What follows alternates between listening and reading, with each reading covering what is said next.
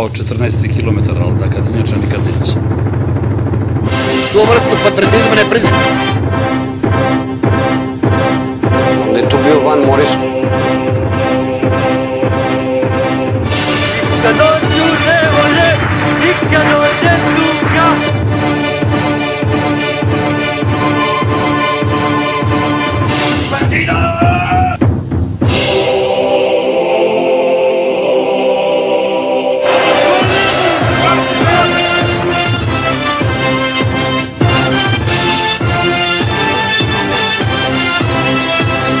To nije patriotizam, to je estetika, kapirat.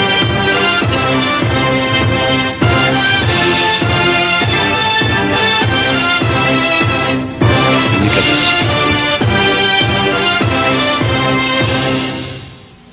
Dobrodošli u šestu epizodu specijalnog podcast serijala Historika u Histerikalu. Ovo je specijal koji snimamo u susret Partizanovom 75. rođendanu i kroz koji se trudimo da predstavimo arhivski materijal, anegdote i autentična svedočenja a, o nekim važnim, nepoznatim i nepravedno zaposlenim pričama iz istorije našeg, našeg futbolskog kluba. E, moji sagovornici su i ovoga puta Aca iz Gro sa bloga Crno-Bela nostalgija. Dobroveče, dobrodošli.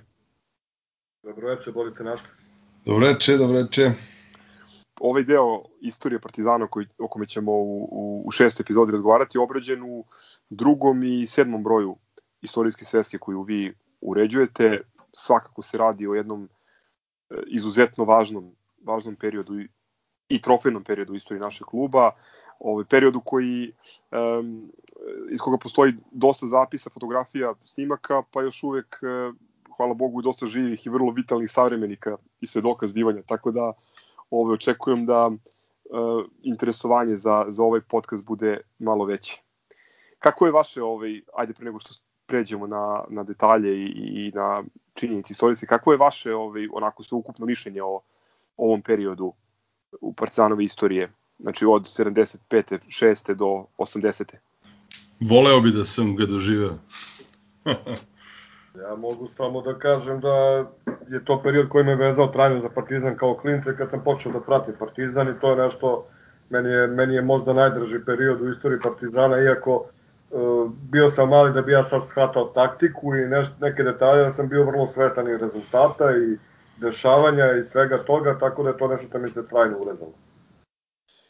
Da, u ovom periodu ovaj, koji ćemo obraditi danas, e, Partizan je osvojio dve titule prvaka države, osvojio je Mitropa, odnosno Srednjerovski kup u, u svom sedmom nastupu. Uh, jedini put u, u svojoj istoriji je bio u situaciji da se bori za opstanak i posle punih 19 godina je igrao u finalu kupa uh, Maršala Tita. Malo li je za, za period od 5 godina? Sve u fullu, nema greške. Zamisli ti da si ono kao partizanovac te, taj period ovaj, posle Heysela, je li tako? I ti nemaš pobedu u večitom derbiju na JNA punih 12 godina.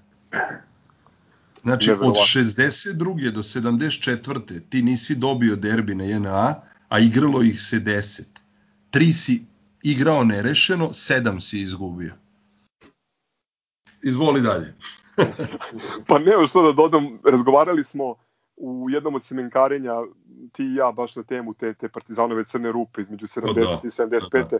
Svaka čast ljudima koji su u tom periodu ostali uz partizani. Po mom mišljenju, ovo što je usledilo 11. jula 76. je velika nagrada, poetska i božanska i svaka druga sportska pravda uh, i nagrada tim ljudima koji su ostali uz klub u, u, u jako teškim godinama. Prosto neverovatno to što si sad rekao zvuči iz posmatrano iz današnje perspektive. Ne, znaš, kao ono, razmišljamo, i kao, ej, kad je bilo, kad smo dobili, koji derbi je Leo, sad uh, krenut ćemo od sezone 75-76 u kojoj smo konačno osvojili titulu, a oba derbija izgubili. I onda vrtimo, aha, bio onaj 70. ali taj je bio kod njih. Aha, bili smo domaćini 67. kad je Hasanagić dao go, ali i tad smo bili domaćini kod njih. I onda prebrojim bez veze, da krenem jedan po jedan, sedam poraza i tri nerešene. e, čekaj, zar nismo dobili 74. kod nas? Evo, to je to. Od 62. A, do 74. u 12 godina 10 derbija, jesen se 62. proleće 74. 10 prvenstvenih derbija odigranih na JNA, ne računajući taj kad smo dobili, a bili domaćini na Marakani, u tih 10 tri, pobed, e, tri remija i 7 poraza. Da, da, strakote. Pa da. Posle godina tavorenja, ta sedma titula prvaka je osvojena zaista na spektakularan način i mislim da ćemo najveći deo ovog podcasta govoriti o toj neverovatnoj utakmici u Ljubljani za mnoge navijače Partizana te starije, srednje i starije generacije. Je to, mnogi kažu da je to utakmica koja ono za, za sva vremena koja je možda uporediva sa antiklimaksom u, u sezoni kada je Marko Nikolić vodio ekipu do duple klure i možda ona, on, ona, ono polufinale kupa sa Vasiljevićem. Ne znam šta, da li postoji još nešto od tih antiklima završnica, ali ovo je zaista van, van svake konkurencije. Hoćete pre nego što pređemo na, na taj uh, 11. jul 76. što je jedno od datuma koji mora da se pamti kao tablica množenja u svako dobu dana i noći, ovaj, da uh, onako neki kratak predak te sezone koja je bila onako dosta čudna. Zgro je pomenuo eto da nismo pobedili, da smo, da smo izgubili oba derbija, tu je još jedna epski, poraz Partizana ovaj, u, protiv Hajduka, koji nam je bio glavni konkurent za titulu, čuvenih 1-6 9. maja 76. godine. Šta još možete da kažete o toj sezoni? Pa evo, ajde, ja ću da počnem. E, trener je bio Tomislav Kaloperović, koji je preuzeo ekipu u prethodnoj polusezoni, znači 74. 5. i prilično je stabilizovao ekipu i doveo do šestog mesta u sezoni ranije. E, sada, za tu 75. u šestu, Partizan se opet, naravno, nije pojačao nekim E, renomiranim prvoligaškim igračima ili ne daj Bože zvezdama nekim, e, doveo je, bukvalno doveo drugoligaške igrače, Golmana Ivančevića iz Šumadije iz Aranđelovca, Rešada Kunovca, uh, iz Foče, mislim, on je iz Foče, ali igrao je, mislim, za Slobodu iz Užica, doveo je Borislava Đurovića i iz Nikšića. Stvarno niko nije očekivao posle toliko sušnih godina da će baš sad, pogotovo sa takvim pojačanjima e, da Partizan uradi nešto više. Ono što je karakteristika Partizana kroz celu tu sezonu je da je Partizan u stvari e, osvajao osvojio titulu na tim malim utakmicama. E, bili smo prilično neuspešni u derbi mečevima, poraz od Dinama pa pobeda od Dinama kući, pobeda na Hajdukom, što svi zaboravljaju u Splitu, i onaj čuveni poraz 1-6 na JNA, i imamo dva poraza od komšija.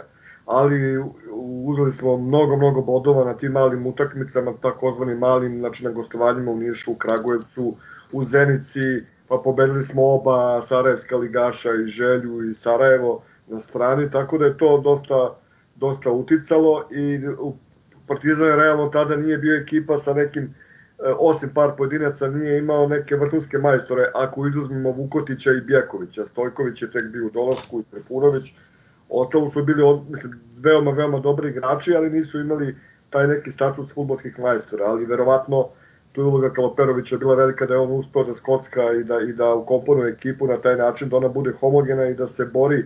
Praktično tu je najveća odlika Partizana bila borba i neka čvrstina. Nije tu bilo neke lepršavosti nekog majstorstva, ali eto imali smo jednog sjajnog uh, vođu ekipe kao što je Vukotić, centralnog igrača, imali smo izuzetnog centarfora, Bjekovića koji je te godine bio prvi strelac lige, ako se ne varam, Tako. i uz ostale koji su davali ogroman rudarski doprinos, to je bilo to. Pa ajde da dodam i ja ovaj, još par nekih sitnica. Znači ti si izgubio oba večita derbija a, i izgubio si to, ono, taj najveći prvenstveni poraz ikada ovaj, od kad se igra futbol, od kad je Partizan ovaj, osnovan u Beogradu od Hajduka 6-1, ali si Dinama dobio, je tako, ono, u onoj drugoj utakmici izgubio da, da. si i prvu u Zagrebu, ja mislim, ovaj, na otvaranju sezone. Izgubili smo 2-1, a dobili smo 3-0. Da, dobili 3-0 i Hajduka si dobio po, po ono navici na plinari 1-0 ovaj, u jesenjem delu sezone, ali si ti sve one neke male utakmice, znaš kao ono, pogubio si derbije, ali si te male, male utakmice, nazovi male utakmice, gde smo redovno gubili bodove, ti si ovaj dobijao, znaš, ne znam, kući Rijeka, pa dobiješ u Nišu, pa si, ne znam, ono, bez problema dobiješ borca, pa u Kragujevcu dobiješ, pa si uzimo bodove, ne znam, u Skoplju, pa ovaj, dobiješ slobodu, pa dobiješ na Koševu, znaš, skupljo si, dva po dva, bod po bod, nije bilo puno poraza, jesu bili od ovih ovaj zvučni porazi, ali ne ne ovaj na kraju kao kad saberi oduzmi ti si prošao si prvi kroz cilj. Ovaj meni je samo tu e, ta navijačka euforija gde su navijači bukvalno kako se taj vremenski period bez sušni i bez trofeja i bez ikakvog uspeha onako povećavao kao da je neki ono sve veći inat u navijačima Partizana, e, ako nas je prošle godine bilo 20.000 na svakoj utakmici, je sad će 25. Pa si svaki, ono kao svaki, i svaki utakmicu, utakmicu ti kao gledaš, pa da li je moguće da je, ne znam, ono protiv uh, Čelika 30.000, protiv ovih 30.000, mislim sad lupetam, znaš, ali kao to je non stop 20. Izvini, ne, ne lupetaš deveto kolo na naš rođendan, To je bilo preko 35.000. 35.000 protiv Čelika 1-1. Čelika, da. tako je. Kada je promovisala himna Partizana. Tako je. Znaš, ti imaš kao poslednje jesenje kolo protiv Olimpije, po zimi, decembar, 30.000 na 1A, slavi se jesenja titula, imamo bod ispred e, Zvezde, dva ispred Hajduka, ovaj, u celoj toj, znaš, kao polusezoni gde god si otišao na gostovanje, ti si e, macno ili bod, ili si čak i dobio kao u Splitu, ne znam, bod u Novom Sadu, bod u Podgorici, bod u Skoplju, gde već da ne nabrajam ponovo. Ovaj, a i svako gostovanje mi smo stvarno došli do gomile fotografija i sa tih ovaj gostujućih ovaj partizanovih utakmica gde god se ono neki detalj vidiš, ne znam, duel, pa da su iza navijači, crno-bele zastave su u publici. Nema veze da li je to Zagreb, da li je to Titograd, da li je to Novi Sad, znači gde god se ono je kadar da se vide tribine, samo crno-bele zastave. Ti si imao osjećaj kao da mi bukvalno 90% utakmice igramo samo pred svojim navijačima, bez prisustva protivničkih. Da, I taj... to je bila ta neka euforija da je ovaj evo ja sad imam ispred sebe neki tekst uh, osvrt na derbi uh, derbi prvenstva taj Hajduk ovaj kad nas je dobio 6-1 Kaže, Partizan je gubio sa 3-0, 4-0, 5-0. Navijači crno-belih mahali su zastavama i pevali svoje pesme, bodrili igrače, bili su šokirani vođstvom Hajduka, ali svoje ljubimce nisu ostavljali na cedilu ni posle prvog razočarenja napinjali su svoja grla. Ne iz uverenja da će njihovo bodrenje pomoći Partizanu da preokrene rezultat i pobedi. Ne, već iz osjećanja da su sa svojim klubom i onda kada pobeđuje, ali i onda kada gubi u ovom drugom slučaju još čvršće povezani. Mislim, evo, taj pasus objašnjava sve. Tako je. Mislim, to, to pokazuje jednu nevjerovatnu vernost i, i povezanost sa klubom ovi koju, koji je na kraju krajeva i, i, i izgradio tu reputaciju navijača Partizana. Ta utakmica konkretno odigrana 9. maja 76. Evo ja imam ispred sebe jedan drugi izveštaj koji govori i o ogromnoj frustraciji koja je postojala među Partizanom navijačima zbog tih sušnih godina i godine neuspeha. Konkretno se radi o e, kratkom antrefileu pri izveštaju s utakmici četvrtog kola Partizan Željničar 0-0, gde se, ja mislim, ovo je jedan od prvih e, izveštaja u nacionalnoj štampi gde se govori o incidentima. Da, da, Tako da, da, je. Da. E, naslov antrefilea, ispad neodgovornih gledalaca na stadionu 1A, posle završetka futbolske utakmice Partizan Željničar, grupa neodgovornih gledalaca iz ugla južne tribine bacala je prazne flaše ka izlazu s terena, koji su u tom trenutku napuštali futboleri željezničara. Pojedinci koji s, pravom, e, koji s pravim sportom e, ništa zajedničko nemaju, nisu uopšte brinuli hoće li neka boca povoriti u glavu sportistu, ni briga ih takođe nije što domaćin utakmicu u ovom slučaju klub za koji navijaju može snositi neprijatne posledice i tako dalje. E, znači, s jedne strane, neverovatna energija, želja da se a, ono, klub konačno vrati na staze, na staze uspeha i, i da osvoji neki trofej, i s druge strane jedna frustracija neverovatna koja se gomila, gomila godinama. I onda dolazimo do tog uh, poslednjeg dana šampionata. Malo smo u pripremi pričali ove, sa današnje tačke gledišta prosto neverovatno zamisliti da može da se desi situacija da Partizan i glavna konkurentkinja budu uh, u ovakvoj poziciji, znači da imaju isti broj bodova, da najbliži konkurent ima bolju gol razliku i da se u posljednjem kolu sve ove raspetljava, a da ne bude nikakvih e, zakulisnih radnji i da prosto sve zavisi, sve zavisi od situacije na terenu. E, ta utakmica Partizanova se znači igrala u, u, u Ljubljani pod Bežigradom, dok je Hajduk gostovao na Karaburmi off, off Beogradu. Njima je bila dovoljna pobeda da, da osiguraju titulu. Nama je trebala pobeda i povoljan rezultat off Beograda. Uh, u Ljubljani, prema izveštajima koje imamo, prisustovalo je 17 ili 18 hiljada gledalaca, od čega najmanje 6 hiljada navijača Partizana koji su doputovali u Ljubljanu iz cele bivše države. Golman ovaj, Olimpije Ljubiša Delanović je kao i u Beogradu protiv Partizana branio kao lud. E sada, e, hoćemo malo o tim kontroverzama koje prate utakmicu, pošto su kasnije ispličani pokušavali na razne načine, uključujući i kroz pop kulturu i subkulturu da ospore našu pobedu i pozivali su se na kao favorizovanje tima iz Beograda, mislim što je nebuloza, pošto favorizovani tim iz Beograda 11. godina nije osvojio titulu. Naravno. Pominje se kao igralo se 100 minuta i slične koje štarije. To, znaš, kao, kao ono guslarska predanja s kolena na koleno i onda to više niko i ne dovodi u pitanje. Ajde ja, malo da, da to dekonstruišemo, Aco, ćeš ti da kreneš? Hoću, počet ću, samo bih rekao jednu rečenicu da je paradoksalno da je pet kola pre kraja Partizan praktično izgubio na Karaburni protiv Beograda 2-1, ključne bodove koji su mogli da mu donesu mnogo lagodniju završnicu i da ne brine do poslednjeg minuta uh, utakmice u Ljubljani. Znači, mi smo izgubili od Ofka 2-1, a onda smo očekivali da Ofka Beograd uradi nešto na Karaburni protiv Hajduka. Ovaj. E, Izvini, znači... Apso, samo kad si pomenuo tu utakmicu, samo da kažem da je gol za pobedu Ofki dao Santrač, što je još... E luđe u cijeloj stvari. Da, da. Koji će imati vrlo bitnu ulogu dve godine kasnije u Partizanu, to ćemo pomenuti. Znači, nama je bilo po, potrebno u posljednjem kolu da osvojimo bod više od Hajduka. Znači, ili da Hajduk izgubi, a mi da igramo nerešeno, ili da Hajduk i Ofk igraju nerešeno, a mi da pobedimo u Ljubljani. Uglavnom, uh, utakmica u Ljubljani je počela nešto kasnije, nekoliko minuta u odnosu na utakmicu u Beogradu. Uh, ja sam video pre nekoliko godina dok sam boravio u prostorijama Partizana i vidim jednu sliku i bio sam šokiran. E, pitao sam ljude koja je to slika, kaže to je iz Ljubljane, ovaj, stoji igrači Partizana i Olimpije pre utakmice i vidim da kapiten Olimpije Vili Ameršek u ruci drži uh, umetničku fotografiju.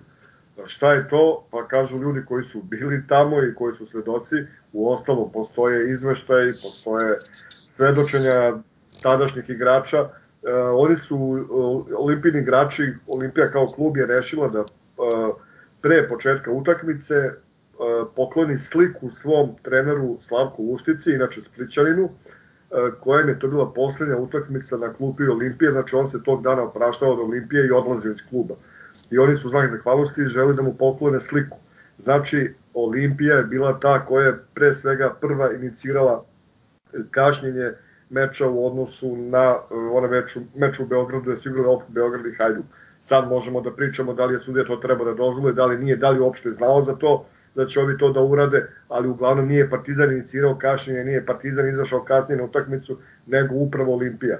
Javna je tajna da Olimpija igrala za Hajduk, da su imali premije od njih, 30 miliona dinara, to je, to je kasnije se pravila neka, informacija. Neka letovanja po Dalmaciji se poja, ovaj, pominjala sve to, ok, mislim nije to problem, a OFK Beograd je kao beogradski klub je igrao za Partizan i sa željom da, da ne dozvole da ga Hajduk pobedi ako ništa drugo.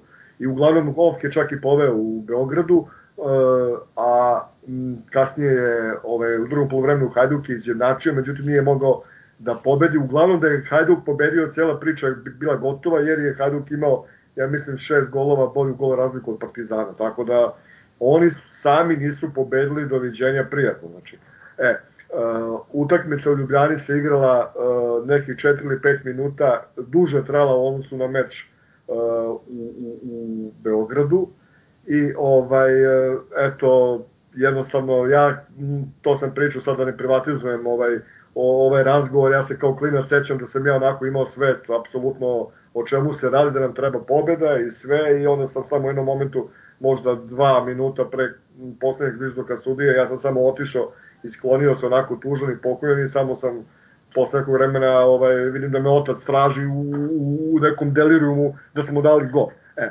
uglavnom ovaj, mi smo u tom poslednjem napadu ovaj postigli gol preko Bjekovića i, i ti ćeš pročitati ovaj taj taj njegov, njegovu tu izjavu da je praktično uh, poslednji način kako je on želeo da uputi loptu, on je tako uputio, ali eto, ispostavilo se da je tako ta neka, da kažem, frljoka koja je došla do njega, da on da je čak nije, nije zahvatio kako, kako je želeo, ona je ipak završila u mreži. Dakle, Partizan je pobedio 1-0 i znači niti je ta utakmica trajala 100 minuta, niti se igralo, ne znam, do, do mraka, budalaštine, Hajduk je jednostavno mogao sam sebi da završi posao do pobjede na Karaburnu, oni to nisu uradili, Olimpija je pružila totalni žestok otpor Partizanu, sve je to. Okay. I treba samo reći jednu stvar da sam ja čuo ljudi koji su bili na utakmici u Ljubljani, da sudija Maksimović, na, koji je poznat prilike državni, tamo ovaj, narodni neprijatelj u Splitu, da je on propustio da svira čist penal nad, nad Vukotićem, ja mislim, u nekom, ne znam, mislim, drugom poluvremenu. Znači to možemo da da eto uračunamo u, u sva ta dešavanja te utakmice. Uglavnom ja sam isto čuo, ne. isto čuo tu priču iz, od više ljudi. A, ta, taj naš poraz na Karaburbi, to što nam je gol dao Santrač, igrač utakmice Petar Borata, kaže branio je sve. Evo sad čitam izveštaj iz novina, kaže junak utakmice bio je vratar Ofka Beograda Petar Borata, koji je vrlo dobro branio i zaustavio nekoliko izglednih prilika partizanovih igrača. Ok, a, tri kola pre kraja Hajduk je imao da odigra, imao je za ostalu utakmicu da odigra sa, sa Slobodom. Oni ni to nisu dobili. Znači, da su dobili Slobodu, igrali su 1-1 sa Slobodom i to je nešto Žungul izjednačio pred kraj. Znači, došli smo na ono do dva kola pre kraja da je Hajduk prvi na tabeli sa 46 bodova, moglo je da bude da oni tu već imaju 47 i da naša pobeda u Ljubljani ne bi značila ništa sa njihovim bodom na Karaburmi. Znači imali su sve u svojim ono rukama, nogama ili kako god. Znači u četiri poslednje utakmice imali su slobodu, odigrali su nerešeno 1-1. Sloboda dugo vodila, Žungul kaže u samom finišu i tu je nešto bilo oko 90. minuta kao jedan bod i onda kao idu na Karaburmu dobiju i to je to, ali nisu dobili i sad kao mi krivi što smo dali go u 91. drugom, trećem minutu ili kom već, nebitno je. Znaš, kao prijatelju, čao, zdravo. E, samo, izvini, ja samo što prekidam, samo jedna stvar, e, pričali smo malo pre, pre početka emisije, svi, e, svi pričaju kao, eto, malte ne, sad je kao šteta, znaš, Hajduk je pobedio na 6-1 u Beogradu, eto nisu ovaj uzeli prvenstvo, pa nije prvenstvo jedna utakmica, nego 34 utakmice igraš. A pa pa smo mi dobijali Zvezdu 7-1, pa nismo yes. bili prvi, je tako Upravo bilo? To. Pa si najveće pobede, najveće pobede si beležio ono yes. 50-ih kad nisi bio šampion. I druga tako, stvar, i druga stvar Partizan je pobedio to, i to se ti rekao, sad ja mislim Partizan je pobedio u Splitu 1-0 u prvom delu prvenstva, znači dva boda, dva boda, znači dva za nas, dva za njih. Znači, što je sad neko pobedio većom razlikom nebitno, ali niko ne pominje da je Partizan njih pobedio u sred Splita. Znači, nije Partizan sada, ne znam, sa desetog mesta uzeo titulu u poslednjem kolu, mislim, budalaštine, tako da, znaš, ono, koga, koga Srbine kad se češe, to je to. Ali mi je žao što se tolika fama diže i neke nefutbolske stvari se pominju i da je malte ne, da je njih, ne znam, su ljudi, niste dobili poslednju utakmicu, doviđenja. To Ma to, šta je najveći problem? Što ti bukvalno do pre pet godina tebi je bila priča ta cigansko-splitska. Yes. Bukvalno. Znači, ono, mogu da priče šta hoće. Zvezda, Hajduk su plasirali to da je Maksimović produžio utakmicu dok e, Partizan nije dao gol i nije pobedio. Niko nigde nije pominjao varijantu da je utakmica kasnila kiksom domaćina u, yeah. ovaj, u Ljubljani, da je kasnila više od 5 minuta i da je čovjek produžio utakmicu i kaže da su ovi igrači Olimpije svaki u loptu izbacivali preko tribina, razumeš? I da ono kao, to ti do maltene do pre 5-6 godina, dok nije kao ej internet, dok nisu krenuli neke onako ozbiljnija komunikacija, nego je sve bilo ono kao ej, o, znaš, kao rekla kazala. Znači, to je, to je problem, to je problem e, ta maderaško-tovarska mitologija je, kao što sam pomenuo, u velikoj meri uh, ojačan ili po, podržan od strane određenih pop kulturnih i subkulturnih i likova i fenomena, tako da recimo Boris Dežulović koji sigurno nije bio na toj utakmici u Ljubljani, ovaj, on sad ima isto neku priču o tome, ali evo, ja, mislim, vi znate, pronašli smo a, izveštaj, evo imam ga pred sobom iz ljubljanskog dela, znači ljubljanske dnevne novine koje su izašle dan kasnije, dan posle utakmice 12.7. u kome se jasno vidi da je Bjeković gol postigao u 93. minutu i, i u izveštaju ne postoji apsolutno nikakva e, priča o nekoj kontroverziji o tome da je, ne znam, Maksimović razvuk utakmicu 10 minuta, šta više, pominje se eto da je Luštica dobio e, sliku na poklon jer se, jer se opraštao. Tako da, eto, ovaj, sve ovo ostalo je naknada pameti i falsifikovanje istorije. A evo kako je, kako je gol postignut, sam Bjeković je opisao, e, evo navod prema ovoj knjizi koji je Miloš Čranović uh, objavio relativno skoro, samo jedan je Partizan, uh, kaže ovako, uh, i on pominje, Luštica se opraštao od Olimpije i naša utakmica je počela bar 10 minuta kasnije, zato se stekao utisak da je večno trajala. Njihov golman dobio je desetku u svim novinama, nemoguće je branio. Vidim, gotovo je. Lopte je otišlo pored naše klupe. Ivanča, misli se na golmana Ivančevića, je otrčao sa gola da izvede aut i ja vidim pištaljku u Maksinim E, mislim na Maksimovića sudiju, ustima. Priđemo i kažem, molim te, ali molim te, pusti još ovo. Ivan Čabaci, Gajić i Đurović, ovaj dodao Nenada Stojkovića i Neša na palac, pa u šestesterac. Mota stoji levo od mene i dere se na Stojkovića, što mu nije dodao. Slušam ocu, gledam Nešu, čekam poslednji zvižduk i odjednom loptu u mojim nogama. Da me ubiješ, ne znam ni kako je tu stigla. Da sam je šutno kako sam želeo, završila bi negde pod Bežigradom. Delanović je već zalegao, skratio ugao i 100% bi mi odbranio. Meni se kopačka zari u zemlju, šutne moćno i ona cap, cap, cap, otkrotila se u mrežu. Samo na taj način mogla da završi u golu. Bio je to kraj. Ograda je pala, navijači su grunuli na teren, jedva smo žive glavi izvukli. Onda redovnom linijom za Beograd, pa fešta oko hiljada navijača na aerodromu i špalir celom dužinom autoputa. Eto, to je to. Ovi, ne, neverovatna euforija posle 11 ja. godina Partizan se odužio svojim navijačima na, na, na pravi način. Ja, ja bih dodao da ima onaj, ja mislim da postoji još uvek onaj klip na YouTube-u sa onom pesmom u pozadini od, od prvog časa života svog od trena kada sam ugledao dan i idu oni snimci u koloru iz Ljubljane, evo veruj mi ja svaki put kad to gledam, znači to, to je ona, ako me pitaju šta, šta evo da, da opišem Partizanu 10 sekundi, to je to, to je ta utakmica, e, to je on, ona scena kada, kada ovaj dva navijača skaču na Ivančevića i ubaraju ga na zemlju sa zastavom onako u nastupu euforije, on nekako ustaje, nasmejan, diže ruke, onda on, opet ga obaraju, ono ludilo, eto ja se naježim, skoro da zaplačem svaki put kad to gledam, znači podsjeti me na, na, na, na period kada sam bukvalno bio ono, e, bespovratno ovaj, e, zadojen Partizana.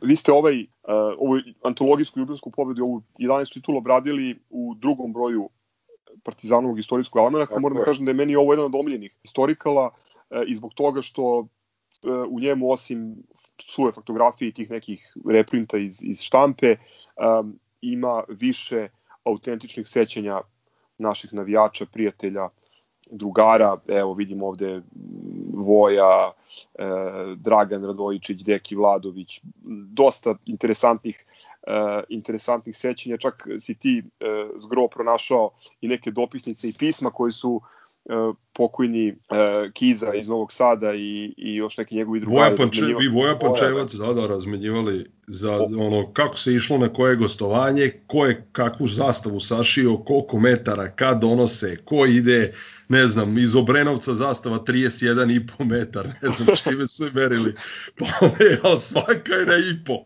fenomenalno. Znaš, kaže, ne znam, jedna je 58,5, pa onda sledeća 51,5, pa iz Obrenovca 31,5, iz Pančeva 14,5, znači, brate, ili, niko okruglu cifru, sve je na, na, na zarez peti je. Ništa, ako ikad budete radili reprinte istorijskih sezaka, mislim da je ova dvojka jak konkurent. Ovi, ti si već Aco pomenuo da je Nenad Jeković bio najbolji strelac šampionata te godine da. sa 24 gola Nenad posle Ljubljane odlazi u, u Nicu, u Francusku i možda je to uh, dobar trenutak da napravimo most kao i sledećoj sezoni u kojoj je Partizan ušao značajno igrački slabiji ovaj, pored Djekovića koji je otišao Moca, Golac, čini se Pajović odlaze u, u JNA i mislim da je Đorđić otišao isto u Švajcarsku. Ove... Da, da, Svemir Đorđić je otišao, ali naravno glavni udarac uh, su bili odlasci Bjekovića u Nicu i Vukotića u armiju. U armiju, da. Do, došao je umesto Bjekovića Sava Paunović, Slavoljub Sava Paunović e, iz Kragujevačkog radničkog. Nije se nešto isticao efikasnošću, istakao efikasnošću u toj sezoni, dao je dva gola e, u prvenstvu e, i ovaj već ulogu je dobio prekazi i tako. Manje više ostali su igrači bili tu ovaj na okupu, e sada takođe da, golac nije bio u ekipi, ali Partizan je tu da kažemo klecao malo, nek, neko osmo, deveto mesto, sedmo, i ovaj u kupu šampiona treba da kažemo da je Partizan eto to je to je počela tada neka crna serija e, da smo mi u tri uzastopna kupa šampiona ispadali od ekipa koje se zovu Dinamo. E, prvi u nizu je bio Dinamo Kijev, tada verovatno najjači, e, jedan od najjačih evropskih timova i bio osvajač kupa kupova. I super kupa Evrope dve godine da, ranije Bukvalno smo izvukli Dinamo Kijev u, u, u, naj, u najvećem naponu snage u njihovoj istoriji. Oleg Blok je bio tamo, uglavnom mi tamo gubimo ladno 3-0. U Beogradu se igralo kao zbog većeg interesovanja na, kod Cigana na stadionu i tu smo ovaj, izgubili 2-0 i promašili penal, tako da je to bilo jedno, nažalost, lagano opraštanje od Evrope. E sad, mi smo tu bili, kažem, štucali smo šesto mesto, sedmo mesto, osmo, deveto, i onda negde pred kraj jeseni ovaj Kaloperović odlučuje da prihvati ponudu Fenerbahčea suprotno svim dogovorima i čak i u Partizanu Veslinku bio onako malo razapet na stup srama da je potrčao za parama, da nije ispoštovao svoj klub, da je eto i uglavnom ovaj e, Partizan tu ja mislim da ne, ne lupam, ali mislim da je završio na nekom e, negde, negde peto, šesto mesto, ako se ne varam, na kraju jesen. Četvrti smo e, bili na kraju sezone, a jesen nisam siguran kako je. Mislim, ja mislim da smo slabiji bili, negde ovo sedmo, osmo mesto, ali ajde, nema veze. Uglavnom, tada, tada dolazi do, do jednog revolucionarnog poteza, u Partizan dolazi Ante Mladinić. Ja bih samo Paco, rekao... Izvini, da? molim te, što te prekidam, hoćemo, samo jedna stvar koju bih pomenuo pre nego što ovaj, pređemo na Mladinića, pošto slažem se s tom, naravno, je, naravno, da, da. A, da pomenemo trofej Colombino, koji je, e, ajde. to je le, letni turnir uh, čiji je domaćin bio uh, ovaj, rekreativu Elva, inače najstariji španski futbolski klub. Vredan je pomena ovaj letni turnir iz dva razloga. Prvo zato što je to je jedan, još jedan egzotičan pehar iz naše trofejne sale, to je onaj srebrni jedrenjak ovaj, koji je često u, u pokrivalicama iz um, trofejne sale na 1A. A, a drugo, zato što je Partizan među samo 13 stranih pobednika ovog e, turnira. E, I to jedini klub sa prostora bivše, bivše države, a u, u vrlo onako reprezentativnoj uh, grupi klubova kao što su Gremio, Santos, Ujpeš Doža, Nottingham Forest, Sporting. Te godine uh, se turnir Kolumbino igrao uh, u avgustu mesecu, a mi smo ga osvojili u konkurenciji Betisa, Atletika iz Madrida i Manchester City, koji je bio inače te godine osvajač Liga Kupa Engleske. Da. To sam teo da, da pre... Izvini da, što te prekinu. Ne, ne, neka se, neka se, ok. Ja. Da, mi smo u polufinalu zveknuli Betis 4-1, je li tako bilo? Tako a onda je, sa Atletico Madridom igrali u finalu i dobili ih na penale. Na penale, jeste, a oni su da. dobili City. Ima dosta slika sa tog uh, gostovanja, sa tog turnira, da naši su futbaleri pokupovali neke neka sombrera i ne znam nije i tako, ovaj, neke drenjake doneli kao uspomenu, male naravno, one simbolične neke i tako, do, dosta egzotično putovanje. Uglavnom, ovaj Kaloperović tu ovaj, napušta Partizan, Partizan tu angažuje ovaj, Antu Mladinića. E sad, zašto je Mladinić bitan? On je bio čuveno ime uh, u Jugoslovenske škole futbala, on je spličanin, igrao je za Hajduk, igrao je za Split, e, sada on je e, tvorac, praktično on je selektirao onu sjajnu generaciju Hajduka, koju je Ivić doveo do dve uzastopne titule, a treću smo mu mi uzeli u Ljubljani, jel? Ovaj, znači on je selektirao te asove kao što su Jerković, e, Šurjak, e, Žungul, Mužinić i tako dalje, da pomenemo samo one najjače, one, one reprezentativce i ovaj i kasnije je učestvovao na mediteranskim igrama gde je bio uspešan sa reprezentacijom Jugoslavije tako da je on bio selekt posle preuzeo funkciju selektora jugoslovenske reprezentacije i on je bio selektor na onoj čuvenoj utakmici na prvenstvu Evrope u fudbalu 76. kada je u polufinalu Jugoslavija u prvom poluvremenu raznela Nemačku sa 2-0, međutim onda dolazi do, do neverovatnog pada u drugom poluvremenu, Nemci izjednačuju na 2-2 i u produžetku dobijaju sa 4-2. E, ipak znalo se da je on veliki stručnjak i on tu dolazi u Partizan i to je, to je jedan, ja mislim da je to jedan od naj, najboljih poteza u istoriji Partizana. Mladinić u, je, u proleće e, te sezone 76. 7. uspeva da podigne ekipu, da je oporavi, dobijamo večiti derbi e, koji igramo kao domaćini e, tamo kod komšija 2-1 sa dva izuzetna gola, ja mislim Prekazije i Zavišića, i, ali nažalost gubimo tu neke neplanirane bodove, gubimo u Tuzli i ne idemo u kupu EFA i završavamo na četvrtom mestu. I onda na kraju te sezone Mladinić kaže ja sam došao kao ja imam, imam neku viziju da ću u narednoj sezoni, 77. 8. biti zadovoljan ako na, na jesen, u jesenim delu završimo kao četvrti. A predviđam da ćemo uh, u roku od tri godine, za tri godine biti kadri da osvojimo titulu prvaka Jugoslavije. E sada dodajte još nešto ako imate u vezi ove sezone i onda kasnije možemo malo detaljnije da se posvetimo Mladiniću i toj sezoni. Meni je fascinantan taj derbi koji smo dobili ovaj, igrajući kao domaćini kod njih. Uh, to je bilo neko kolo već pred kraj, kako beše ono nešto, 22. maj, igralo se tamo zbog priprema našeg stadiona za Dan mladosti. E, Zvezda je već bila maltene promovisana u šampiona jer je osvojila, osvojila ga je ubedljivo te, te sezone. E, ostalo je još 4-5 kola do kraja, 70 i nešto hiljada gledalaca, od toga dve trećine partizanovih zastava ceo zapad, ceo jug, znači neverovatne fotografije. Ovaj, ono što je još neverovatnije je da ne postoje snimci sa tog derbija, kao ni sa naredna dva, koja smo takođe dobili, ali to opet nije slučajno. Mislim, ne može niko da me ubedi da je slučajno.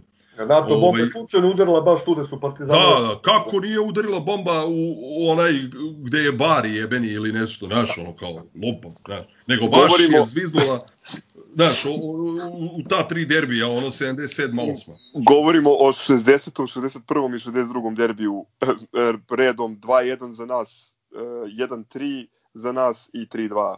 Tako 62. derbi. Sa, za... Samo, izvinjam se, samo da ne zaboravim kasnije, kad su nestanci ta tri s tim, kada je sve ta tri derbija Partizan pobedio, treba reći da je uh, poslednji derbi pre ta tri uh, jesen 76. 7. izvesni gospodin koji kači sve žive utakmice Cigana, na YouTube da ima snimak iz e, Zvezdine sločionice i govor trenera Zeca poslednje upustvo pred derbi protiv Partizana. Znači, to me niko ne može ubediti, to je snimao TV Beograd, to je jedina televizija koja je to mogla da snimi, nije bilo privatnih televizija. Znači, kako je moguće da sačuvan e, snimak sa upustvima Gojka Zeca pola sata pre utakmice, a da nema snimka ovaj, a da nema snimka derbija, sledeća tri derbija da, da padaju golovi, da su izuzetne utakmice. Vidi, nema, ja, ja i dalje sam ono ubeđen da je ono drug Baškalo kad je zvao dok su padale bombe, ono 99. kad je polupijan i viče ovaj NATO bombarduje samo grobare, evo, gađaju ovaj, znači 100%, uništeno je samo ta tri derbija, jel da. imaš derbi pre, imaš derbi posle, ta tri jedina fale. E, jebi ga, vato. Ali dobro. Mi smo te sezone, znači, zviznuli i taj veliki Hajduk takođe u Splitu, je li tako bilo 2-0, ovaj, to je bilo posle, po, posle te pobede ovaj protiv Cigana, dobili smo znači i Hajduka tamo, Zavišići prekazi dali golove, dobili su i na kraju i, i Sarajevo i kao završio jel, na četvrti, ali ipak nisi otišao u Evropu da, da, da. i to je to, znaš. I sad prelaziš na ovu sezonu, ono maestralnu ili ne znam kako je nazvati. 77, 78, da, da. da, po mnogima jedna od najblistavijih sezona u istoriji kluba. Ja bih samo pre nego što krenemo tu sezonu, uh, još par uh, detalja vezanih za Mladinića. Aco, dao si odličan uvod. Uh, Ante Mladinić, ili Biće, kako su, ga, kako su ga zvali, u klubu je proveo nešto manje od dve kalendarske godine. On je došao promovisanje na mesto prvog, odnosno šefa stručnog štaba 12. januara 77. ostoje do 31. decembra 78. ali za mnoge navijače jedan od najboljih trenera u istoriji kluba. Često ga porede sa špicom, prvo zašto je došao sa strane, jer je, govorimo praktično o toj njegovoj viziji, ovaj koji si ti pomenuo, on je iskoristio ono najbolje što Partizan ima u svojoj školi, ali uneo te neke nove progresivne futbolske elemente u igru i u stručni rad u klubu. Među ostalog, ovaj, e, pričali smo u pripremi emisije kako je proširio stručni štab i dobili smo psihologa i, i, i On je sam, ima jedna izjava gde je, kad su ga pitali kao zašto ste došli u Partizan, pa je tu navodio par ovaj, svojih nekih ličnih razloga, ovih razloga, kao pa korektni bili, pa ovo ono, ali kaže osim toga radit ću sa Atanackovićem, profesorom Radovanovićem, kao i Miladinovićem koji će mi biti pomoćnik Miladinović je trener i po, a njegova zapažanja su izvanredna. To je Mladinić izjavio na, ovaj, na dola, po dolasku u Partizan.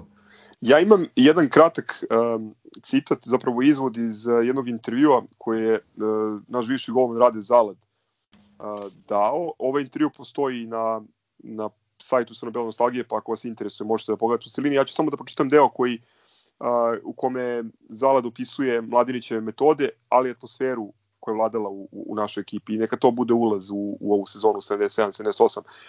Kaže ovako, gospodin Rade, uh, smatram da je Ante Mladinić najbolji trener kojeg sam u životu imao, jedan od najboljih trenera Partizana u njegovoj istoriji. Uz pomoć Zorana Miladinovića koji je bio njegov asistent napravio je sjajnu atmosferu. Oni su napravili familiju tima, trenirali smo strahovito naporno i tada na pripremama te 77. godine mi smo radili po metodama po kojima se radi i danas. To samo govori u prilog tome koliki je vizionar bio Ante Mladinić i koliko je bio napredan kao trener. Rezultat toga je uh, bilo jedno fantastično prvenstvo u kojem smo mi samlali sve protivnike i napravili najveću bodenu razliku koja je tada zabeležena u bivšoj Jugoslaviji. Da, zaboravili smo da kažemo da je Partizan uh, Mladinić bio prvi seniorski klub koji on trenirao. Znači on je do tada trenirao samo mlađe kategorije Hajduka i mladu reprezentaciju Jugoslavije, mediteranski tim Jugoslavije. Pa, I naravno trenirao je reprezentaciju Jugoslavije, bio je selektor. Jako je bitno ovo što si rekao hvala ti, jer sada ne ispane da je ova epizoda historikalu, u histerikalu, nešto anti uh, Hajduk nastrojena, ali uh, Splićani često u, često u svojim uh, u biografijama Mladinića previđaju ovaj, ovaj detalj koji si ti sad, uh, da, sad pomenuo. Da mu je Partizan prvi seniorski klub i prvi klub sa kojim je osvojio seniorski trofej. Apsolutno, I, i to što si pomenuo sad Zala, da nije on jedini koji je to rekao, mi smo pričali sa Zvonkom Živkovićem, našim bivšim masom i reprezentativcem, on je isto rekao, on je tada e, nije igrao te 77. 8. bio je pri ekipi, ali je igrao uh, onu sledeću sezonu da je Mladinić ostao pola godine, o tome ćemo kasnije, ovaj, on kaže da je to najbolji trener s kojim je on radio i da je on bio vrhunski demonstrator, znači on, on, on je bio u stanju da vam objasni nešto teoretski i da onda to demonstrira na terenu. Uh, ono što su glavne karakteristike Partizana pod Mladinićem bio je pressing, velika, sjajna fizička sprema, znači ko, pucali su od kondicije, igrali su pressing i ovaj bila je sjajna odbrana. Jedan neverovatan podatak da je posle petog kola prvenstva 77. 8. Partizan ostao bez kompletnog bekovskog para gola Skozić zbog povreda. Ukupno se do kraja sezone izmenjalo sedam igrača na bekovskim pozicijama. Golac se kasnije vratio i uh, sad bi neko očekio da tu Partizan imao velikih problema, da je primao dosta golova. Ne, Partizan je u jesenjem delu koje je trajalo 18 kola, znači jedno duže zbog svetskog prvenstva u Argentini, Partizan je primio samo 7 golova na jesen, što, što deluje neverovatno. I do kraja je primio ovaj samo 19 golova na 34 utakmice u onakvoj ligi.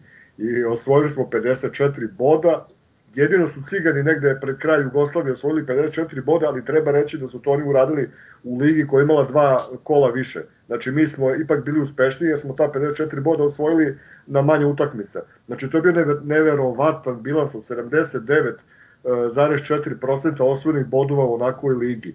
Uh, jedina dva poraza koje smo mi doživjeli, nismo uopšte doživjeli od ovih velikana, da kažemo Zvezda, Hajduka, Dinema, ne, nego smo pukli ovaj, prvo od Veleža 1-0 i onda smo na početku proleća izgubili u Tuzli. Ono, Standardno. Pa da, tamo ono, odeš, ne znaš da si izgubio. 0-3. I znači nas su pobedili Veleži Sloboda, 19 golova prili na kraju šampionata uz luksus da, da ovaj, e, poslednja dve od tri poslednje utakmice igramo nerešeno. Eto, znači mogli smo i da popravimo taj bilans. Samo da. bih ovo rekao za Mladinića da je da je ovaj e, on recimo imao imao uveo je neke novitete koji, se, koji su praktično počeli da se rade 30 godina kasnije. On je u pauzi šampionata ili u zimskoj ili u letnjoj davao futbolerima plan rada e, sa o tačno određenim smernicama šta treba da rade, koliko da pretrče, kojim vežbama da se posvete, to je zaista bilo neverovatno za ono vreme.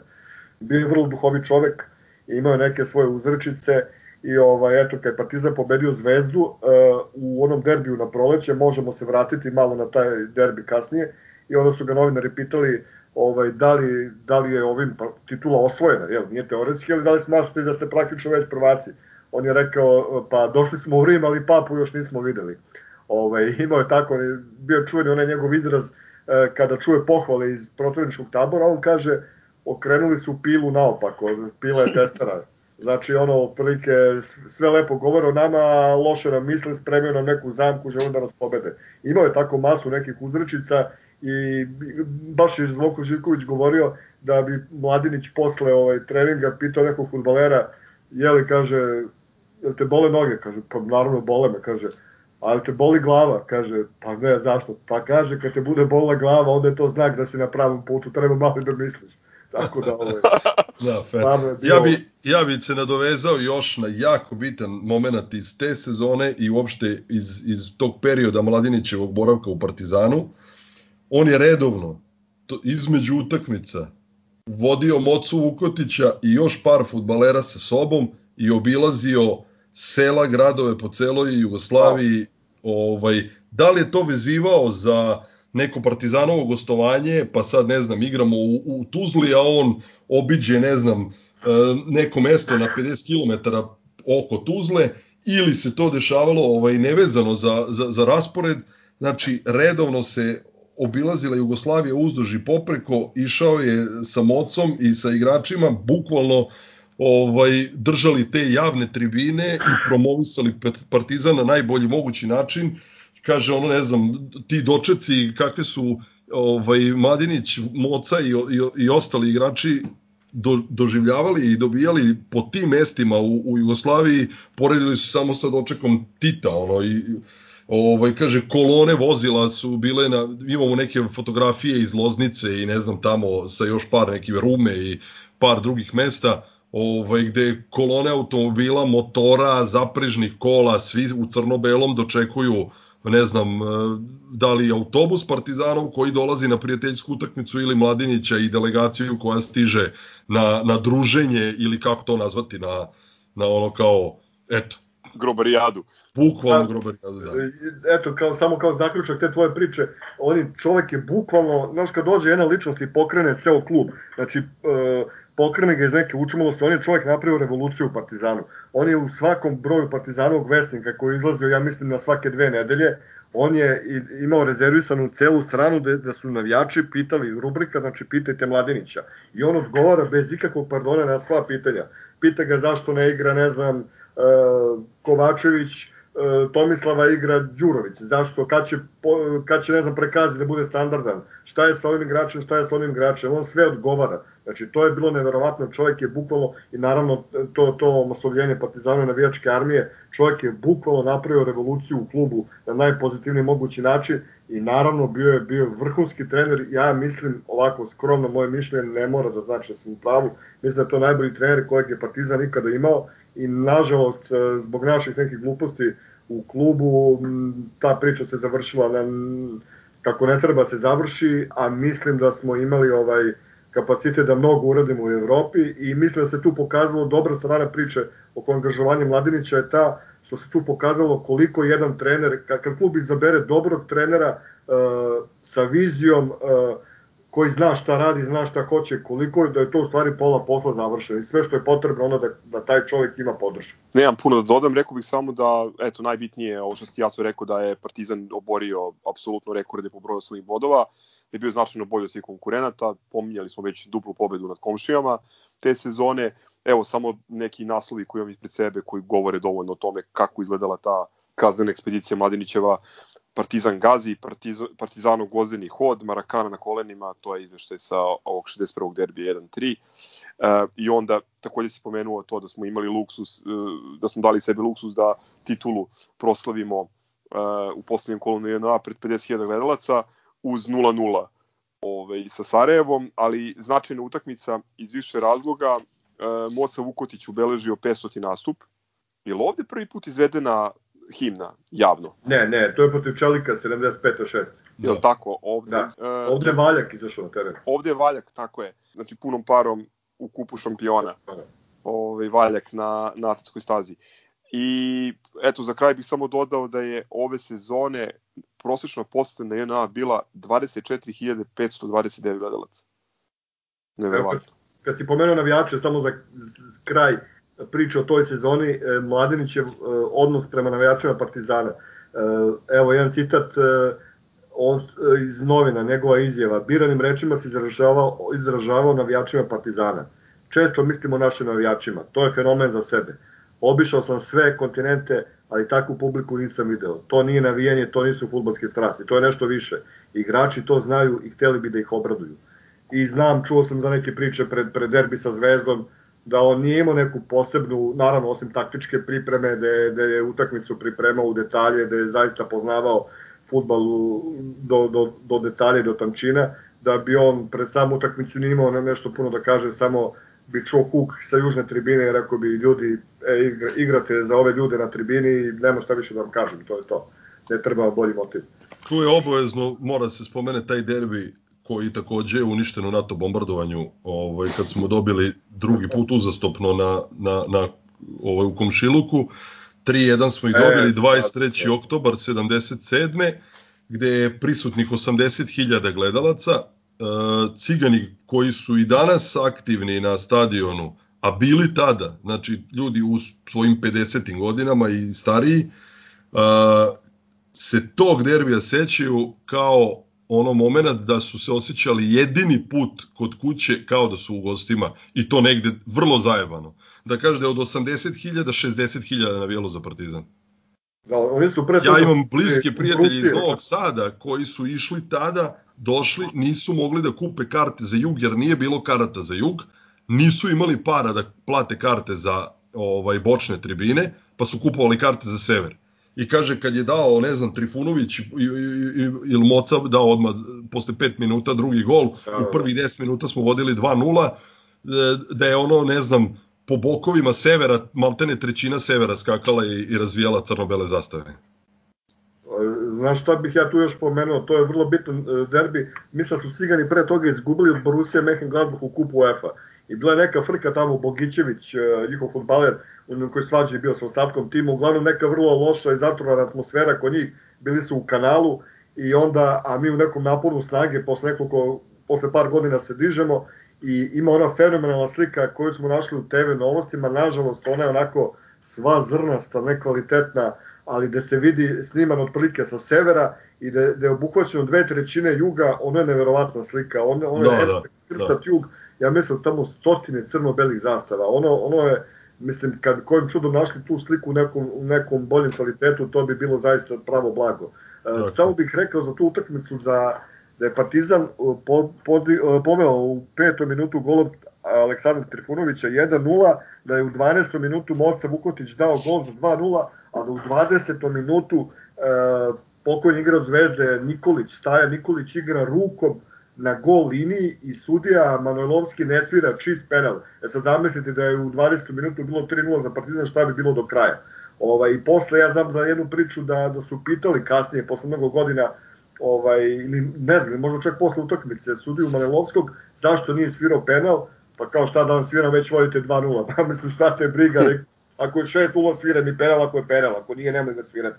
Ali svi kažu da je bio, a ovo je apsolutno čist penal, čovek igra ruku na gol liniji. Oni su smanjili 2-1 i onda čuveni gol Ilije Zavišića pred kraj kada on tamo dribla njihovi igrače i golmanu Stojanoviću protura loptu kroz noge i onda pada na travu, udara pesnicama u travu, onom delirijumu. Zaista nezabravna utakmica. Znaš šta mi je isto tu zanimljivo, ovaj, e, derbi koji smo igrali u Splitu, pre tog derbija e, koji je igran u aprilu 78 pa je kompletna ekipa Partizanova otišla, bila već dan ranije ovaj, u Splitu i ima isečak iz novina gde je, ovaj, evo, pročitaću ga, kaže, u subotu popodne u Splitu je održan sastanak prijatelja i navijača crno-belih, sastanku je prisustvovalo preko 300 pristalica Partizana i oni su se dogovorili da osnuju klub prijatelja Partizana. I sad da ne čitam dalje. Uglavnom, narednog dana Partizan je pobedio Hajduka po ono navici i običaju ponovo ovaj, na plinari dobili smo i 2-1, golove dali Đorđević i Moca Vukotić, a onda je došao taj derbi ovaj, koji je igran u maju po jezivoj kiši. A, mi smo dobili 3-2, a i sve do tog ono momenta je Zvezda bila konkurentna. Bila je tu negde, tu se, dva, tu se lomilo prvenstvo. Dva boda. Dva boda razlike pred derbi za nas. Da. I oni su početkom ovaj drugog poluvremena mi smo ovaj vodili 1:0 na poluvremenu uh, golom Oce Vukotića, oni su preokrenuli u par minuta nešto u, da li u 50. su već imali 2:1 i kao ti si imao ono kao maltene nas i njih egal na tabeli. Ovaj, ali onda posle toga Santrač izjednačuje, a potom Oca Vukotić daje još jedan gol i dobijamo ih 3-2, tu su isto ono kao čuvene fotografije, pun stadion uh, zastavi na, na, na crno-belih zastavi na štapovima i ono kao prošarano sa kišobranima jer je valjda ono pljuštalo, to je 7. maj 78. Da, da, da, legendarna utakmica. Bila je na TV-u, ja mislim da je to ovaj, jed, jedan od uh, pet najboljih derbija Partizana i Zvezde u istoriji. Ne samo zato što smo mi pobedili, naravno, nego 3-2, 5 golova, izuzetne generacije oba kluba, direktan dvoboj za titulu, asovi na obe strane, evo samo da kažem, za nas igraju, znači, uh, Vukotić, Santrač, Trifunović, Nenad Stojković, za njih igra Džajić, Dušan Savić, Filipović, znači zaista fenomenalna generacija oba kluba. Ovaj, tako da to, to je zaista utakmica koja Naravno, oni su i tu imali primjerbe na sudiju, jer oni nikad ne gube čisto što su slabi. Ne, uvijek je sudija, ili im je zatrovana supa, ili je, ne znam, prošla kometa, ili je, ili je Merkur retrogradni, tako da, znaš, ono, ali nisu oni tema, nebitno. Ali mislim, ako, ako, ne, ako ne postoji mrlja na nekoj sezoni, to, to je 77. 8. Znači, ne pamti se da je Iko na taj način osvojio titulu. E, samo da dodamo da je Partizan te, te sezone počeo takmičenje u Mitropa kupu, srednjo evropskom kupu. I ovaj, tu se već videlo da Partizan ima veliki potencijal, zato su nam rivali bili u grupi Peruđa iz Brojovka iz Brna. Ovaj, I to je, Peruđu smo dobili 4-0 u Beogradu, tamo smo izgubili, ja mislim, 2-1. Ispravite me, Zbrojevku smo dobili 5-1 u Beogradu, ja mislim i 3-2 u, u Češkoj. I ovaj, a to su bile ekipe realno pa neki nivo kupa UEFA. Znači videlo se da je Partizan već kadar da, da igra sasvim onako e, konkurentno i kvalitetno u Evropi. E sad zašto se to nije desilo, pričat ćemo u, kad dođemo do ove naredne sezone. Imam samo još jedan komentar uh, na ovu sezonu. Uh, pomenuli ste uh, pomenuli ste Santrača. Santrač je u sezoni 77-78 uh, postigao, ako se ne varam, u prvenstvu 11 golova. Uh, interesantno, to smo komentarisali relativno skoro, uh, je RTS radio neki prilog o Santraču gde potpuno previđaju ono i preskaču činjenicu da je, da je u Partizanu osvojio jedini trofej kao, kao futbaler. Da, da, da, pa pazim kada je bio izveštaj na RTS-u, skandalozan izveštaj, ovaj, e, kada je Santrač preminuo, da se pominju, naravno, ok, svi klubovi je on igrao, čak se pominju klubovi protiv, protiv kojih je on dao stoti i poslednji gol. Nigde se ne pominje da čovek igrao za Partizan uh, više od godinu dana da je jedini trofej osvojio u Partizanu, mislim, zaista, ne znam, skandalozno ovaj. Znaš šta je meni da. još zanimljivo za tu sezonu, ovaj 77-78, što malo malo, pa naletiš na ono antrofile te sa utakmice u Splitu, gde piše da ovaj među, ne znam, par stotina navijača Partizana primećen je i Rade Šerbeđija, pa kad su ga pitali kao ovaj, otkud vi da navijate ovaj, za crno-bele, a on bukvalno, evo čitam, kaže, pa ja sam od glave do pete Partizanovac. Pa onda, ne znam, sledeća utakmica, Redovan je Mija Aleksić, naravno, na svim uz klub, gde god, šta god On je radio čak kao promoter klubova navijača. I tako je, tako je, ali ovaj, malo pre spomenuti derbi 3-2 što smo dobili 7. maja 78. Kaže, jedan od prvih telegrama koji je stigao, čestitam od sveg srca na velikoj pobedi, vaš Zoran Radmilović. Da, i ajde samo, mislim, znaš kako, ovde priči o ovoj sezoni nikad kraja. Kad bi meni rekao, ajde, ovaj, daj ne, u neku sezonu da možda se vratiš, mislim, iako sam bio mali, ali, ali to 77. 8. To ne, nema nikakve dileme. Zato bih samo zaključio priču o ovoj sezoni, evo ja bih ovaj pomenuo samo ovaj, uh, kako zove, sastav uh, sa utakmice Partizana i Crvene zvezde sa te legendarne utakmice, uh, zato što eto, mislim da da je to otprilike na toj utakmici je nastupio uh, sastav koji je bio standardan te sezone, ovaj, i uz dve izmene koje su bile i ovaj, mislim da ti ljudi zaista zaslužuju da, da, da budu pomenuti ovaj, e, zato što su bukvalno oni ovaj, e, izneli gro te sezone na, na, na svojim plećima. Dakle, golman je bio Borota, e, par, golac Kovačević, kas, Tomislav Kovačević, kasnije ušao Borislav Đurović i onda ovaj granitna half linija Aca Trifunović, Nenad Stojković i Jusuf Hatunić. E,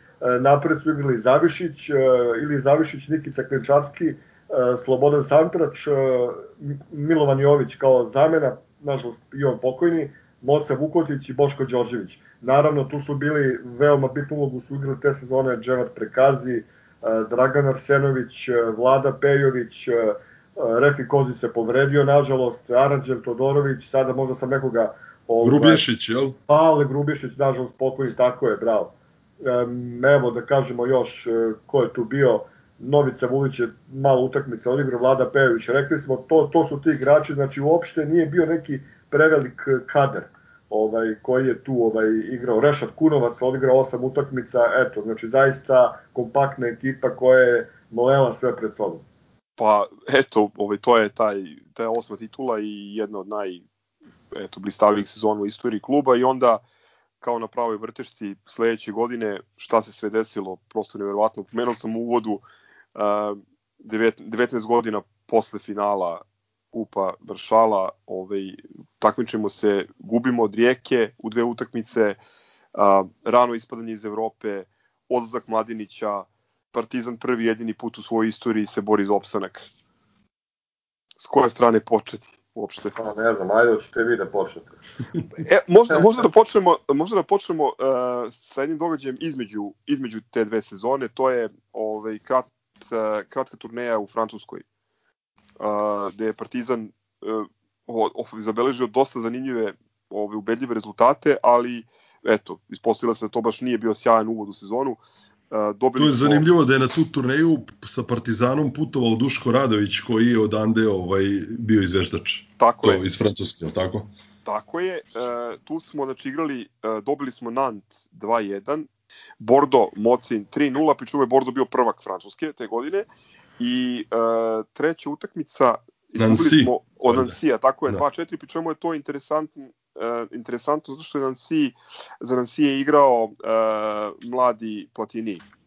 Na šta je tu po meni ovaj, samo bitno? Kako su krenuli da sad, znaš, kao opet, št, ko je tu glavni krivac, zašto, kome je Mladinić sa tim svojim autoritetom i, i takva, takva ličnost smetala u klubu, Znači, krenuli su sa par strana obstruiranja iznutra, e, naravno, mediji to dočekali ono kao konačno, je tako, ono kome treba jak partizan, ovaj, kako je krenulo to bušenje Mladinića, tako si ti krenuo da posrćeš i sve ti se nekako odronjavalo, znaš, tak, namestilo ti se da ti Moca Vukotić ode ovaj, a da ti maltene ni jedno ozbiljnije pojačanje nisi doveo, Mladinić imao neki spisak od par imena uh, i ni jedno se nije ostvarilo, došao je samo ovaj Pavković, i Bobe Pavković iz Vojvodine i da li je još neko uopšte A mislim tog... da niko, niko bita nije došao. Ovaj. Da, Golman Nikitović recimo ili ko je te sezone nešto još stigao, ali, ali kao ništa nisi, eto kao, od, od tih, sad zamisli da ovaj da spisak je, hoću ovih pet imena, ti mu dovedeš nekog šestog kojeg nini spome, otprilike tako. Ovaj, I tu, tu, taj sam, ono, kraj ove šampionske sezone, početak ove, taj letnji prelazni rok je već nagovestio da tu, da, da, da će tu daleko biti ovaj, od neke uspešne i da, da, da se tu sa ono, Mladinićem bliži kraj. Pa, Samo da kažem da je ovaj e, priča poznata, mislim ovaj da je Safet Sušić trebalo da dođe tog leta u Partizan kao zamena za Vukotića i da je po nekim pričama koje smo čuli od više ljudi bliski klubu da je sve bilo gotovo, da je Safet Sušić samo rekao da ide do Sarajeva da se pozdravi sa ljudima iz kluba, međutim tamo je bukvalno ono višom silom, znači e, republički čelnici su odlučili da on ostane tamo, što se kaže socijalističko vreme mora da ostane i da zabavlja radni narod ovaj, Bosne i Hercegovine, dali su mu uslove ono izuzetne i nije imao kud, mora da ostane u Sarajevu. Takođe u planu je bio i Wilson Johnny, ovaj bek Hajduka. Da, on je trebao umesto golca da dođe, je tako? Jeste, jeste. I međutim, ovaj, kad je video da nema reakcije, da Partizan oteže, on je otišao u Dinamo. I on sam priča dan danas da je imao ponudu od Partizana tog leta. Tako da Mladini se čak osvrće u jednom od Partizanovih vesnika gde kaže ako svi klubovi u Jugoslaviji uh, posežu za kvalitetnim pojačanjima, ne vidim razlog zašto Partizan to ne, nije u stanju i, i ne može da uradi. Tako da se tu vidi neko njegovo razočarenje uh, takvim razvojem događaja i samo bih ja rekao nešto što što možda važi za celokupnu istoriju Partizana, a verovatno i za mnoge klubove, uh, tiče se evropskih nastupa. Znači, ako ti ulaziš svake godine sa nekom ambicijom u Evropu, ako se ložiš, ako, ako želiš najbolje, jednom će ti se sreća osmeknuti. E, da je Partizan možda uložio te sezone, da je istrajao, da je dao 100% podršku Mladiniću i u vidu ovaj angažovanja tih pojačanja koje on želeo, zamislite, ne zamislite, nego činjenica je da je e, u završnici u polufinalu Kupa šampiona 78. 9. kada je Partizan učestvovao, e, igrali su Nottingham Forest, Malme, Austrija iz Beča i ne znam, još jedan tim slagaću, da li je Keln ili e, ne, ne mogu sada da se ove setim. Evo, uh, Keln, jeste, Nottingham Forest, Keln, Austrija, Beč je Malme. E, sada, znači, neverovatno kako, kako bi se tu otvorio put, ne kažem da bismo mi osvojili kup šampiona, ali jednostavno, znaš, on nekada ih Bog nagradi, ja mislim, ajde, ne volim da ih pomijem, ali cigani su večito ložili, kad nisu imali pojma, oni su se ložili na tu Evropu, onda im se 91. desi x nekih stvari nevezanih za njih, da im se otvori žreb i neučešće Italijana i Engleza. Engleza. Ne Italijana, Holandjana, Engleza, izvinjam se. Znači, jednostavno, ako ti imaš ambiciju, neka te Bog pogleda. Partizan kao da nije hteo da ga pogleda, pogleda Bog, ni sreća, mislim, mi smo angažovali pojačanja, tako da, nažalost, tu se već moglo videti. Cijela ta sezona je počela uh, da ide u ambis uh, praktično pripremama i, i neangažovanjem željenih pojačanja. Ja sam pokušavao da, da iz više izvora pronađe malo više detalja o, tom, raz, o tim razlozima za, za, za Mladinićev odlazak. Sad ima tu raznih priča od ovoga što ste vi rekli da klub nije ispratio neke njegove želje, pa se u nekim u nekim ovaj, klubu naklonjenim izveštajima čak pomenju se zdravstveni razlozi, čemu meni je smešno da se priča o zdravstvenim razlozima, ali čovek otišao u Hajduk i potpisao petogodišnji ugovor, ako se ne varam. Mladinić se od Partizana oprostio trofejem koji je eto do dana današnjeg gostu jedini naš evropski trofej. 13. decembra 78. smo pobedili Honved na INA 1-0 i osvojili uh, srednjerovski kup, odnosno Mitropa kup iz sedmog pokušaja. Ti tu vidiš ovaj u Partizanu Vesiku naručene tekstove, znaš, znaš ono da, da se priča o lažnim mesijama koji su uh, umislili da su ispred kluba, ispred igrača, znači jasno, jasno se puca na njega, znači ne pominje se nigde Mladinić jasno o kome se radi, mislim nije niko lud, razumeš, da, da to shvati, da to ne može da shvati. Tako da ovaj vrlo zatrovana atmosfera je bila, što kaže zgro, ko zna kome, kome on tu smetao, prenuje klub bez učmalosti, znaš, i imaš tako ljude kojima ne odgovara da neko radi, da je neko uspešan, jednostavno gledaju da te onako lupe po glavi, da te vrate izjednače sa ovim mediokritetima, tako da vrlo, vrlo je tužno. Ove, na kraju izgubio i podršku nekih igrača, što je, što je vrlo onako bolno i ima njegova čuvena izjava, kaže igrači su kvarljiva roba, ne? tako da ne znam, baš je, baš je, imao je neke porodične razloge, sad ne ulazimo u intimu m, zdravstvene prirode, on je sam rekao da će, kad je došao u Partizan će biti šest meseci tu, međutim produžio i dalje, Partizan je zaista pokazao minimum dobre volje, on bi ostao i ko, svašta bi Partizan napravio, ali nažalost možemo pomenuti i tu utakmicu u Drezdenu, mislim, ako hoćete vi da krenete zaista ona je bila, ne znam, ono, esencija Partizanove zle sreće i gluposti napravljenih. Zbog Borote misliš? I ti to isto ponavljaš i u derbiju, je li tako? Jeste, jeste, jeste, da. Mislim, mi smo u Beogradu, znači da, to je drugi put Dinamo, prošli put Dinamo Kijev, sad u kupu šampiona prvo kolo Dinamo Drezden. Znači, ovaj, i mi u Beogradu povedemo 2-0 u drugom polovremenu početkom i, i ludilo kreću napad i pritisak, visi gol u vazduhu, čeka se 3-0 i nestaje struja. I negde, ne, mislim, 20 minuta nema struje, gde su igrači ohladili, Nemci su došli sebi, ostaje 2-0 do kraja u revanšu, znači imaš 2-0, što je, što je zaista ogroman kapital i Borota, znači svi smo videli taj gol, brani ne, baš u jednu, jednu baku dosta neugodan centaršut brani i onda spušta loptu na zemlju, uopšte ne gleda da mu igrač iza leđa koji čuška loptu u gol. I e, primemo još jedan gol 2-0, dolazi do penala, postoji snimaka na YouTube-u gde mi čak imamo prenost u penalima, naravno gubimo na kraju, mislim neverovatno. I Borota to nažalost ponavlja i u prvenstvu u večitom derbi protiv Zvezde. E, završili smo kao deveti, ja mislim, na polusezoni i prošli smo u dalje takmičenje u Kupu Jugoslavije, što nije bila nikakva sada epska tragedija, znači Partizan je u sezonama pre toga bio i, i slabije plasiran, ali sa trenerom kao što je Mladinić sigurno bi bilo da bi se on popeo na kraju do nekog trećeg, četvrtog mesta i verovatno bi uzao taj kup koji naš, čak ni njega nismo osvojili proleće 79. To proleće uh, imalo je niz od šest utakmica na kojima nismo dali gol.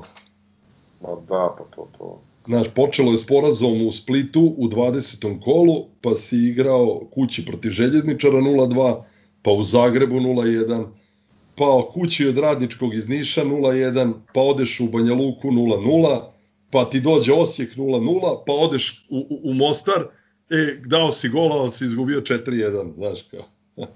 E, bilo je dosta malera u prvom delu sezone da smo prokockali neke već viđene pobede. Na INA, recimo igramo sa Dinamom 3-3, pa igramo protiv Hajduka 2-2, znači nije nam se dalo zaista, ono, bilo je tu i nedostatka sportske sreće i svačega, ali znaš ono, kad neće, neće, ali ja kažem uvek ono, kad, kada daš sve od sebe i kad, kad si uporan, kad si vredan, onda ti sreća pogleda, a sreća prati hrabre, mislim, nije to tek tako neka izanđala poslovica, nego, nego istina, a mislim, kad, kad kad se ne trudiš, kad, kad gradiš u korist sobstvene štete, pa onda ne može ni sreća da te pogleda, naravno. Rekli smo prva i jedina bitka Partizanova za opstanak u istoriji. Završili yes. smo deoba dva, od 12. do 16. mesta sa bodom više od Zagreba koji je ispao kao 17. 15. Uh, 15 izvanično da po gol radi se, ali vidim da su klubovi klubovi da. od 12. do 16. mesta su imali 29 bodova. I uh, pobedili smo već taj ovaj, posle jako, jako puno e, jako loših, neubedljivih nastupa u, i ranih ispadanja u kupu, došli smo posle 19 godina u finale e, i u dve utakmice smo izgubili od Rijeke, po nekim izveštajima i to prilično nesrećno, e, posebno ta druga utakmica u kojoj, u kojoj ovaj, e, u Beogradu nismo nismo uspeli da nadoknadimo manjak. Rijeka uzela drugi kup za redom, ako se ne varam, i igrač, najbolji igrač utakmice bio golman uh, Radojko Avramović, inače veliki navijač Partizana i otac našeg dobrog druga Ivana, veliki pozdrav za Avramović. Možda samo da pomenem iz te sezone 78. 9. jedan neverovatan podatak, znači to je već, ja mislim, jun mesec, i igra se dupli program. Uh, u Beogradu igraju uh, na Zvezdanom stadionu Crvena zvezda i ja mislim Sloboda. Hajde naći ću sada taj izveštaj. Ovaj, a u, u, na stadionu Partizana igraju Partizan i Sarajevo. Partizan se bori za opstanak. Crvena zvezda je tri dana pre toga igrala finale Kupa UEFA, što je do tada bio najveći uspeh u njihovoj istoriji. I njih gleda, ja mislim, 15.000 gledalaca, Partizan u borbi za opstanak gleda 25.000 ljudi protiv Sarajeva. Znači, to nije izveštaj iz, ne znam, nije kakvih novina, iz Partizanovog vesnika ili iz uh, Mikijevog zabavnika, ne nego iz sporta. Znači... Znaš da smo ono, onih nekoliko neverovatnih isto isečaka nalazili kao gde su granice fenomena partizanovih navijača koji dolaze na stadion i kad nema utakmica. Mislim, to mi je ono da, da.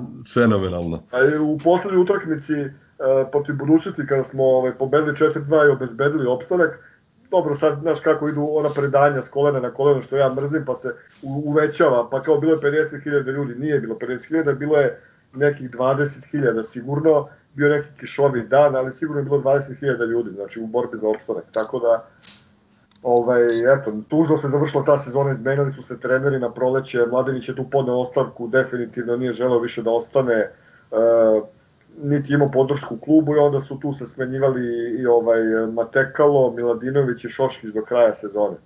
Ali eto, spasili smo se. Ja bih samo još dodao na kraju ovaj, da, pošto smo pominjali u ranijim epizodama ko su bili ljudi koji su vodili klub, opisali smo te promene u Partizanu i, i reformu kluba od vojnog u, u civilni. Um, u ovom periodu interesantno je da na čelu kluba ponovo bilo jedno vojno lice, iako je klub naravno davno izašao iz, iz okrilja vojske, to je bio general pukovnik avijacije Nikola Lekić. Uh, ljudi iz Crne Gore koji slušaju ovo vjerojatno znaju dobro kome se radi, oni koji ne znaju mogu ovom čoveku koji je onako dosta interesantan da pročitaju dosta toga zanimljivog na internetu. A, pominjem ga zato što eto, u, u tom periodu u kome je on bio na čelu kluba Partizan je osvojio dve titule prvaka e, i osvojio je svoj jedini e, evropski, evropski trofej. Jedan on konačno da kažem, evo, pošto smo malo odužili, o, neki lični utisak, činjenica da je period onako vrlo dinamičan, zanimljiv i, i bogati trofejima i tim nekim autologijskim utakmicama, ali takođe mislim da je period u kome je Partizan uh, jasno nadgradio taj svoj uh, klubski identitet i uh, dodatno afirmisao školu, uh, jer vidi se jako dobro, posebno u ovoj mladenićevoj sezoni, ta kombinacija dečaka koji su trenirali u Partizanu ili su došli u Partizan kao mladi igrači kao Vukotić, Golac, e, Pejović, e, Klinčarski, Prekazi, Stojković i takođe igrači sa strane koji su došli i ostavili značajan trag kao što su Antić, e, Hatunić, Zavišić, Aca Trifunović, pa i Sandrač, eto, ovaj, koji je u zenitu karijere došao u Partizan, evo baš na toj utakmici gde smo obezbedili opstanak, Santrač je postigao hat-trick protiv budućnosti. Da, Santrač je na svom debiju za Partizan u takmičarskom meču dao oba gola na utakmici protiv Zagreba, kada je Partizan pobedio 2-1.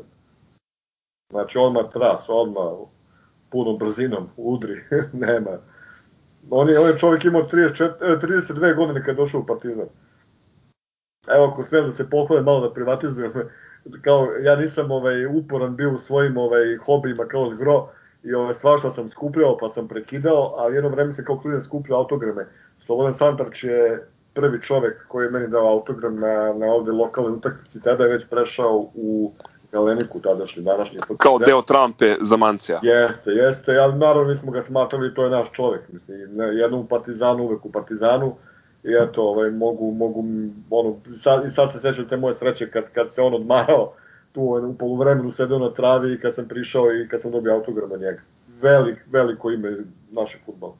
Odličan moment da možda privedemo ovu šestu epizodu kraju, a, ta priča o odlasku Santrača, dolasku Manceja i kasnije ovaj, nastanku ekipe koja je ušla u borbu za devet tulu, to je možda sledeća priča. O, jel imate neke ovaj, završne komentare ili utiske?